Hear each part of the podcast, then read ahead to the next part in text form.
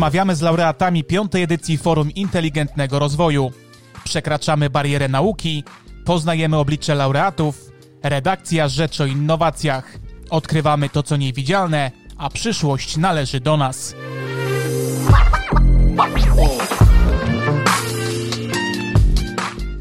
Dzień dobry Państwu, witam bardzo serdecznie. Sebastian Wach, kłaniam się. Czas na kolejny podcast z laureatami piątej edycji mm, Forum Inteligentnego Rozwoju. Moim gościem, moim i Państwa gościem jest pani magister Elżbieta Nierzejewska. Dzień dobry Pani magister. Dzień dobry, dzień dobry, miło mi. E, będziemy sobie rozmawiać e, na temat forum oczywiście, ale także na temat projektu Waty ich metabolity wtórne jako stymulatory biologicznej remediacji gleby zanieczyszczonej herbicydami grupy fenoksykwasów. E, na początek pani magister mm, zapytam ogólnie o zanieczyszczenie roślin, gleby. To chyba takie główne ukierunkowanie projektu, prawda? Tak, zdecydowanie skupiamy się e, na herbicydach fenoksykwasowych. E, wśród, w ogóle wśród zanieczyszczeń, czyli wśród takich substancji, które e, są wprowadzane do środowiska, nie, nie występują w środowisku naturalnie, możemy wyróżnić bardzo, bardzo wiele, teraz możemy wyróżnić bardzo wiele różnych substancji. E, natomiast ciekawą grupą zanieczyszczeń w ogóle są to zanieczyszczenia nowo, nowo pojawiające się, czyli takie, które wcześniej nie były używane, nie były uważane za e, substancje niebezpieczne, ale teraz okazuje się, że ich e, nadużywanie, często ich nieodpowiednie stosowanie prowadzi do tego, że ich stężenia w środowisku często przewyższają normę. I wśród takich e, często obserwowanych w środowisku, w badaniach e, monitoringowych, w badaniach naukowych, pojawiają się właśnie herbicydy fenoksykwasowe, które są ogólnie dostępne e, nie tylko dla rolników, żeby przeciwdziałać wzrostu, wzrostom chwastów dwuliściennych, ale również są popularne wśród ogrodników, wśród nas, którzy chcemy mieć idealnie piękne trawniki. I bardzo często są one nieodpowiednie nieodpowiednio stosowane, nieodpowiednio dawkowane. Są być może e, e, roz, rozprzestrzeniane na przykład w, przed deszczami i w, wraz ze spływem powierzchniowym, który jest intensyfikowany przez e, ulewne deszcze, te herbicydy fenoksykwasowe mogą rozprzestrzeniać się w środowisku. Mhm. E, niestety udowodniono również, że te herbicydy e, mają bardzo negatywny wpływ y, na rozwój wielu organizmów żywych. I nie są to tylko rośliny, bo oczywiście, jeżeli takie herbicydy są rozprzestrzeniane w środowisku, no, będą miały mm, złe działanie, negatywne działanie na rośliny, bo taki jest ich, takie jest ich przeznaczenie, a, ale dodatkowo będą również negatywnie działały na wiele bezkręgowców, e, ale również na kręgowce, takie jak płazy i, e, i na przykład ptaki. Mhm. E, pani magister, mm. e, zapytam, bo tak teraz sobie oczywiście dyskutujemy o tym pierwszym, pierwszym moim pytaniu, a jak można w ogóle zdefiniować, czym są w ogóle herbicydy, tak, tak w, prostych, w prostych słowach? To, to, to związki chemiczne? Tak. Mhm. Tak, tak, są to związki chemiczne, syntetyczne związki chemiczne, które są powszechnie stosowane e, w, w przemyśle, w rolnictwie, w ogrodnictwie, e, aby przeciwdziałać e, rozwojowi roślin, których nie chcemy, które być może źle wpływają na nasze uprawy, które zabierają związki odżywcze dla tych roślin, które chcielibyśmy hodować. E, bardzo, no z reguły są one używane w monokulturach, czyli mm, mm, w takich hodowlach roślin, gdzie chcemy uprawiać tylko jeden gatunek roślin i stosujemy je po to, e, żeby utrzymać ten jeden gatunek roślin, żeby utrzymać na przykład ten trawnik bez chwastów, e, tych niepożądanych roślin, które bardzo często rosną w uprawach. Mhm. No pamiętam, że jak rozmawialiśmy, to powiedziała pani magister, że jakby większość z nas przynajmniej raz w życiu zastosowało herbicydy, często nie mając o tym pojęcia. Myślę, że tak. Y, ja wiem to trochę z autopsji, bo, mhm. bo myślę, że jak wszyscy, jak wszyscy ludzie miałam okazję pracować w ogrodzie, miałam okazję pracować na działce. E, jeszcze wcześniej, jak byłam młodsza i nie interesowałam się samym tematem herbicydów, to na przykład babcia albo dziadek, albo mama, albo tata postanowili zastosować e, jakiś środek, oprysk, na przykład na trawnik, albo e, są też takie mieszanki traw już z herbicydami, e, które od razu poza tym, że będziemy mieli, że będziemy mogli wysiać trawę, to jeszcze dodatkowo będą one zapobiegały wzrostowi tych niepożądanych roślin, które bo mogłyby ewentualnie zakłócić ten, e, te, tą harmonię tego trawnika. Mhm. E, I tak sobie pomyślałam, że najprawdopodobniej często my nie mamy nawet e, pojęcia, że coś się nazywa, że coś się tak definiuje, że to jest być może szkodliwe, ale mimo to stosujemy, ponieważ w każdym sklepie ogrodniczym, w każdym sklepie budowlanym takie herbicydy są dostępne. Mhm. A dlaczego jakby skutkiem jest ich przemieszczanie z pól uprawnych do, do wód? Bo też pamiętam, że o tym e, dyskutowaliśmy e, właśnie, kiedy pisałem artykuł na temat tego projektu. Mhm. I teraz e, nie wszyscy, z reguły jest tak, że jeżeli dawkujemy herbicydy, to bardzo duża część Y, tej substancji aktywnej, czyli samej tej substancji tego herbicydu fenoksykwasowego, który ma działać przeciwko chwastom, nie zostaje wchłonięta przez same chwasty. E, bardzo duża część e, ma mobilny charakter, e, w związku z tym bardzo duża część ma mobilny charakter i w momencie, kiedy na przykład mamy teraz długie okresy suszy, ale nagle spada bardzo ulewny deszcz. Intensyfikuje się spływ powierzchniowy, czyli przemieszczanie się e, cząstek gleby na powierzchni, e, na gruncie. W związku z tym e, te herbicydy, które bardzo często one się e, absorbują na powierzchni tych cząstek glebowych, one zostają przemieszczane do wód, do wód gruntowych, do wód powierzchniowych, w związku z tym e, mogą mieć negatywny wpływ później na funkcjonowanie tych ekosystemów. Mhm. E, bo nie też... wiem, czy... Tak, tak, jak, jak najbardziej tutaj... dobrze to wytłumaczyłam. Mhm, mhm. Myślę, że, myślę, że tak, e, bo też chciałem zapytać o jakby główny, główny cel tego, tego projektu. To może miało być pierwsze pytanie, natomiast, natomiast teraz zapytam panią magister o ten, o ten główny cel. E, czyli po pierwsze e, chcemy degradować, czyli chcemy pozbywać się, usuwać te zanieczyszczenia z gleby, a, a po drugie chcemy, chcemy znaleźć sposób, w jaki e, w taki naturalny i zrównoważony sposób, w którym możemy się pozbywać tych zanieczyszczeń, ale dodatkowo też chcemy, ponieważ te herbicydy fenoksykwasowe, one charakteryzują się tym, że one są dosyć, mogę tak powiedzieć, ruchliwe w środowisku. I one bardzo szybko się przemieszczają, więc dodatkowo oprócz tego, że chcemy się ich pozbywać, to chcemy też filtrować środowisko. Chcemy też zapobiegać temu rozprzestrzenianiu się tych herbicydów na szeroką skalę.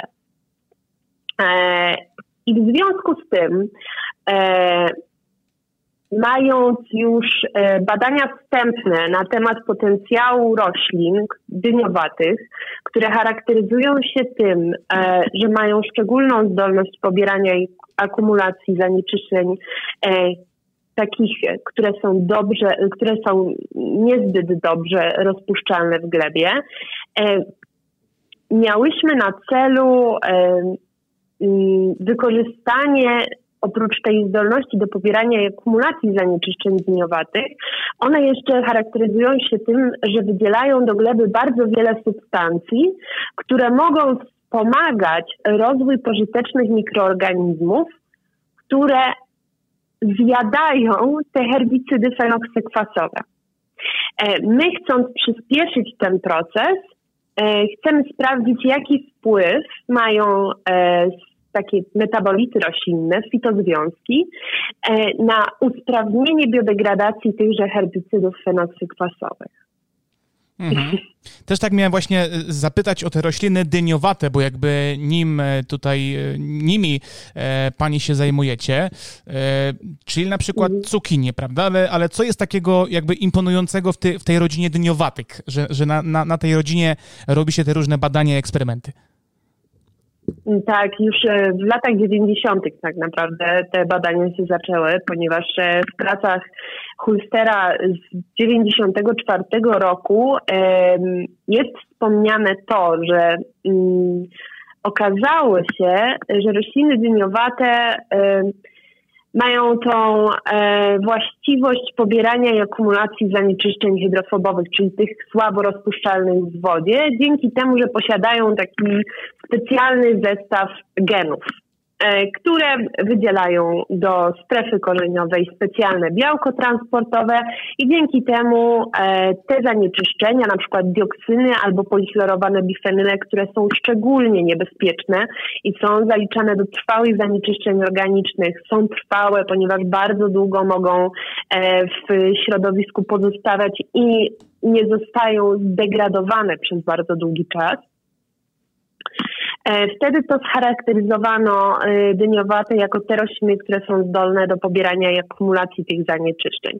Oprócz tego, że mogą pobierać i akumulować zanieczyszczenia, to dodatkowo mają, e, można tak powiedzieć, szeroki wachlarz tych fitozwiązków, które są wydzielane do strefy korzeniowej i wspomagają rozwój pożytecznych mikroorganizmów.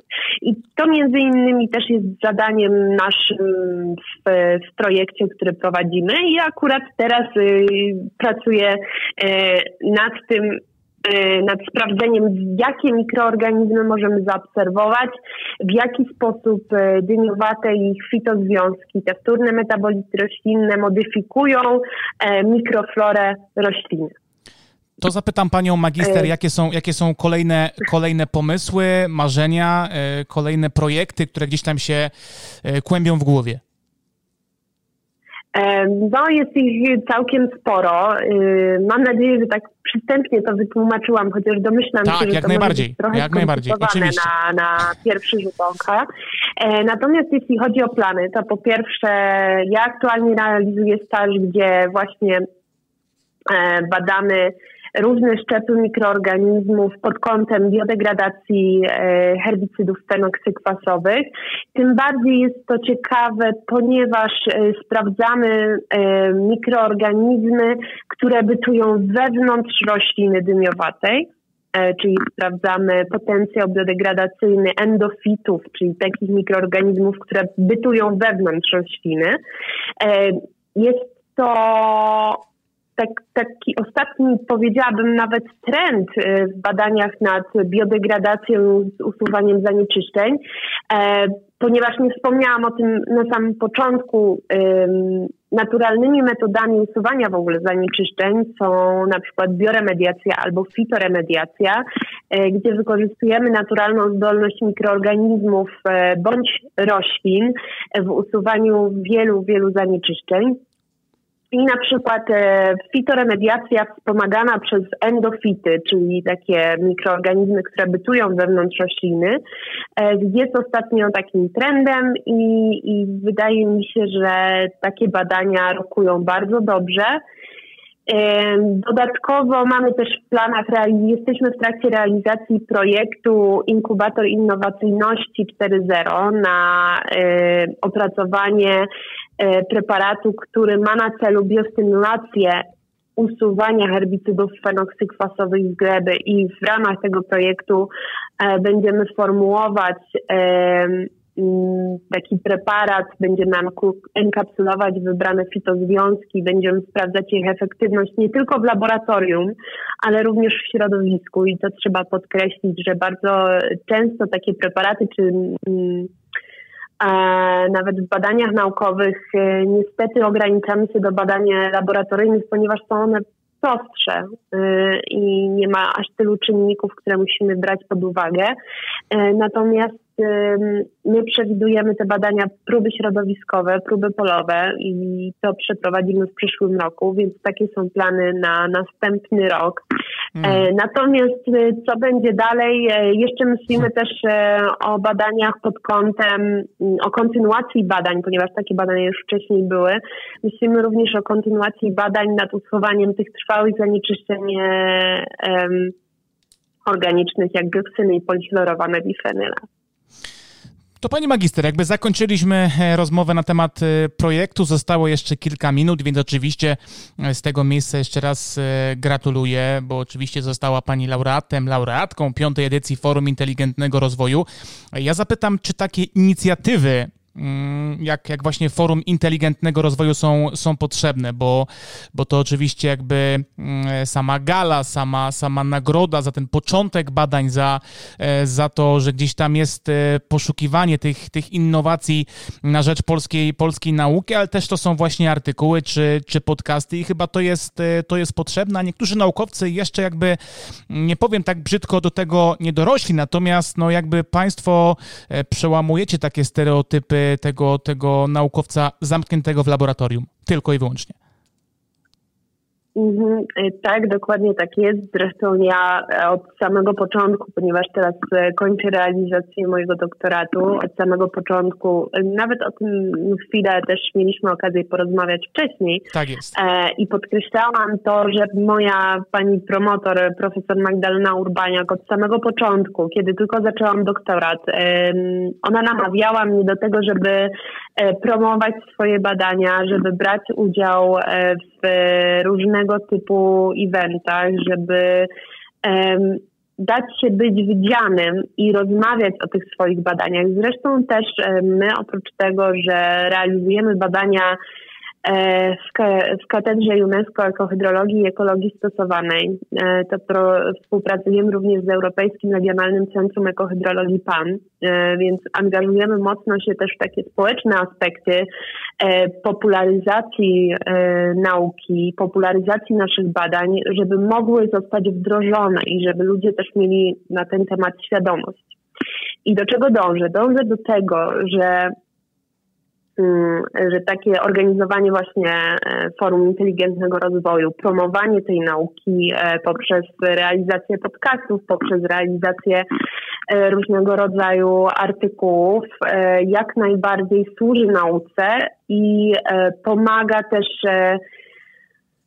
Pomaga też w przejściu przez tą barierę bardzo często dosyć trudną między nauką a biznesem, między nauką a mm, społeczeństwem. Dlatego też ja bardzo się cieszę, że wziąłem w tym udział, bo dzięki temu mogę, mogę promować swoje badania, zwiększać świadomość na ten temat i dodatkowo też e, pomaga to na pewno w późniejszej e, komercjalizacji e, naszych pomysłów. Chyba w to, co powiedziała pani magister, świetnie wpisują się słowa odkrywamy to, co niewidzialne, prawda?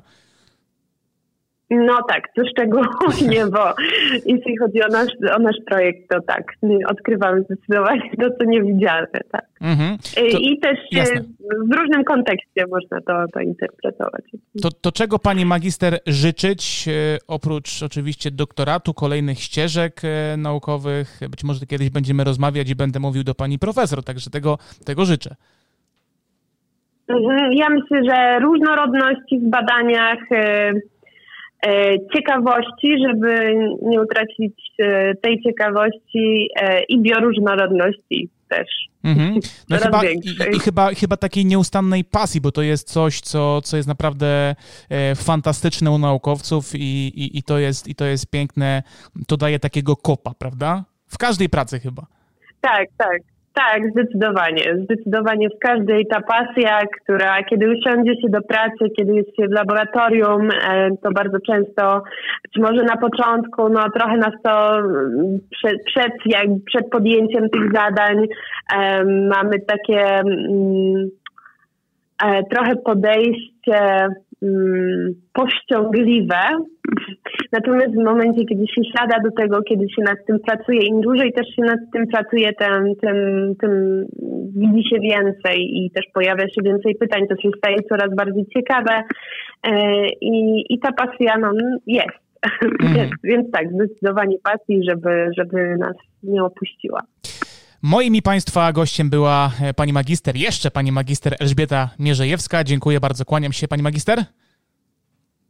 Dziękuję bardzo. I życzę oczywiście wszystkiego dobrego. Ja nazywam się Sebastian Wach. Czas na, mm, na teraz dżingiel końcowy, a my słyszymy się w kolejnych podcastach. Do usłyszenia.